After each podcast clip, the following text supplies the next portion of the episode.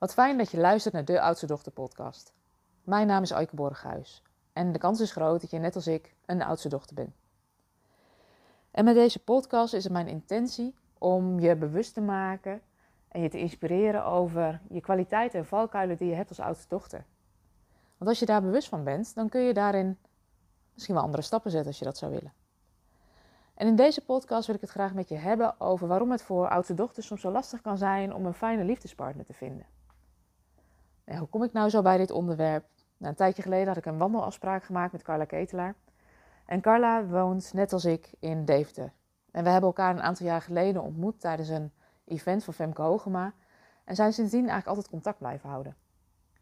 En als je kijkt naar het rondje Brugge in Deventer, dan is dat een rondje Spoorbrug en een rondje Wilhelminabrug. En dan loop je prachtig langs de IJssel.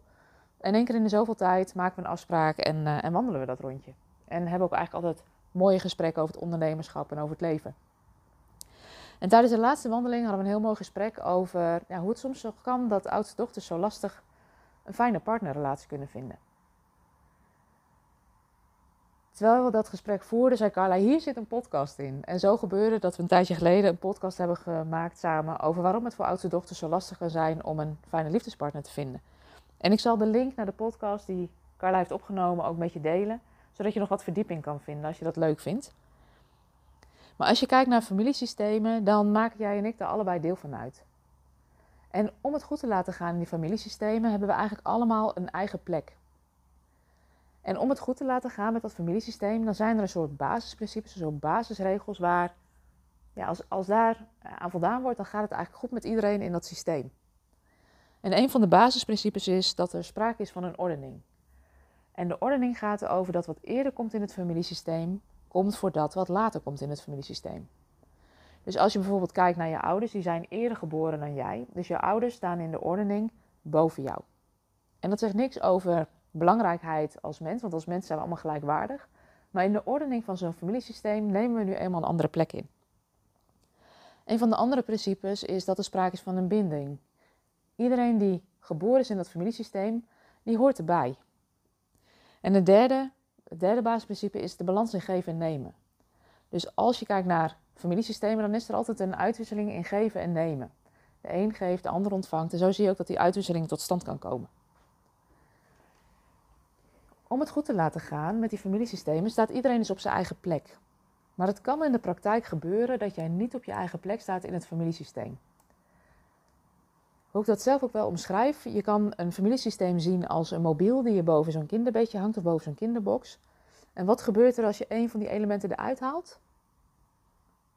Ja, precies. Dan zie je eigenlijk dat de rest van die mobiel de balans probeert te herstellen. En dat gebeurt ook in familiesystemen.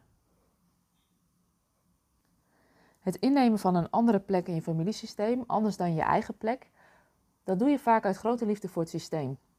Er ontstaat een lege plek en iemand anders in dat familiesysteem, jij of iemand anders, wordt op die plek gezogen. En het zou zomaar kunnen gebeuren dat als uh, je de oudste dochter bent in het gezin en je merkt dat je ouders hulp nodig hebben, dat je onbewust uit liefde uh, voor je ouders en voor het systeem gaat zorgen voor je ouders. Of dat je gaat bemiddelen als je voelt dat de spanning zit in de relatie tussen je ouders. Dan ga je eigenlijk als het ware naast je ouders staan in de ordening als je gaat, bemiddelen tussen je ouders. Of je maakt je groter in de ordening als je gaat zorgen voor je ouders. En die patronen die je in zo'n gezin ontwikkelt, hebben op dat moment ook een functie. De enige valkuil daarvan is, is dat de patronen die je in het gezin van herkomst ontwikkelt, meeneemt ook naar andere contexten. Als je dat patroon kent, van je onbewust groter maken dan je ouders, dan zou het zomaar kunnen zijn dat je dit patroon meeneemt op een moment dat je een leuke partner tegenkomt. En in het begin, als je verliefd bent, vind je het vaak ook fijn om voor je partner te zorgen. Dan is het fijn om zoveel mogelijk samen te zijn, dan wil je veel voor hem doen. Het is alleen voor een partnerrelatie wel belangrijk dat je allebei als volwassenen op eigen benen gaat staan naast elkaar.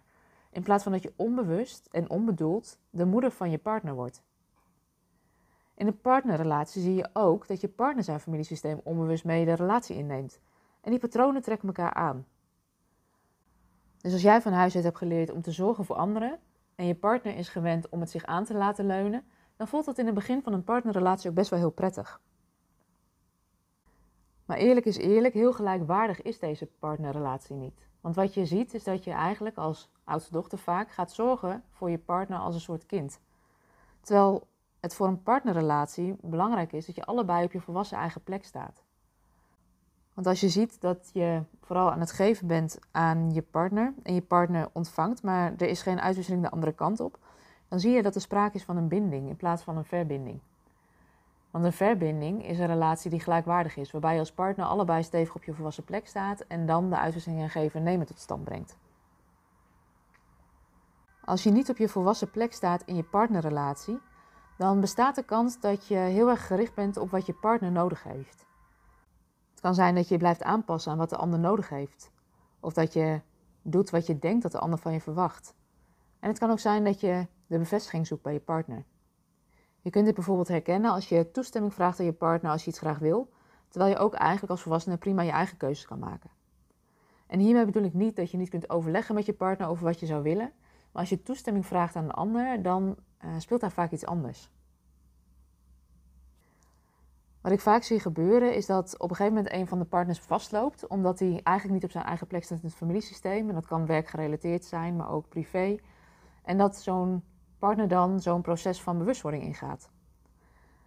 En wat ik vaak zie, en het is niet altijd zo, maar is dat in de praktijk vrouwen vaak een stapje voorlopen op een partner.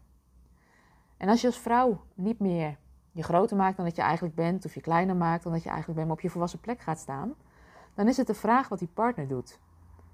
En het is dan ook de uitnodiging aan die partner, en dat is niet aan jou, maar dat zal de partner zelf moeten bepalen, om ook de beweging te maken om zelf op eigen benen te gaan staan. En wat je ziet, dus dat als dat lukt, dat als beide partners op een volwassen plek gaan staan, je ziet dat er een verbinding in de relatie kan ontstaan, waarbij allebei de partners kunnen groeien en bloeien. En wat ik in de praktijk nog wel eens merk, is dat er een oudste dochter bij me komt met een vraag over een relatievraagstuk. Dat ze zegt van, goh, het gaat niet lekker in mijn partnerrelatie, kun je eens met me meekijken?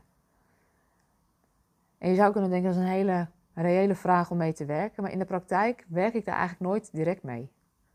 En dat doe ik niet omdat ik haar vraag niet serieus neem, maar omdat ik eerst uh, met haar wil kijken van wat is nou eigenlijk je eigen plek in het familiesysteem. Want als je daar je eigen plek in neemt en de verbinding met jezelf kunt herstellen, en dus je volwassen plek in gaat nemen in dat familiesysteem, dan creëer je eigenlijk de voorwaarden voor jezelf om die gezonde relatie aan te gaan. En wat je dan vaak ziet is dat de verbinding met de partner nog mogelijk is. En het is sowieso belangrijk dat je eerst op je eigen plek gaat staan. Want ook als je dit uh, patroon niet aankijkt of je doet daar niks mee en je huidige partnerrelatie gaat uit elkaar, dan is de kans groot dat je in de volgende partnerrelatie eigenlijk hetzelfde patroon blijft herhalen. Dus het is voor jou als oudste dochter belangrijk om eerst op je eigen volwassen plek te gaan staan in je familiesysteem, voordat je uh, een partnerrelatie aangaat zoeken om te voorkomen dat je weer in een binding in plaats van in een verbinding terechtkomt. Mocht je dit nou interessant vinden, dan zal ik in de show notes ook de link toevoegen naar de podcast van Carla. Want dan kun je wat meer de diepte in over wat we allemaal uh, hebben gedeeld met elkaar. Uh, maar dit wilde ik in ieder geval even met je delen voor vandaag. Want ik gun jou ook een relatie die gelijkwaardig is en waarbij de uitwisseling in geven en nemen lekker stroomt.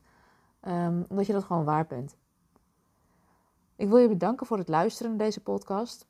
Vond je hem nou interessant? Um, abonneer je dan even. Dan krijg je een berichtje als er een nieuwe aflevering online staat.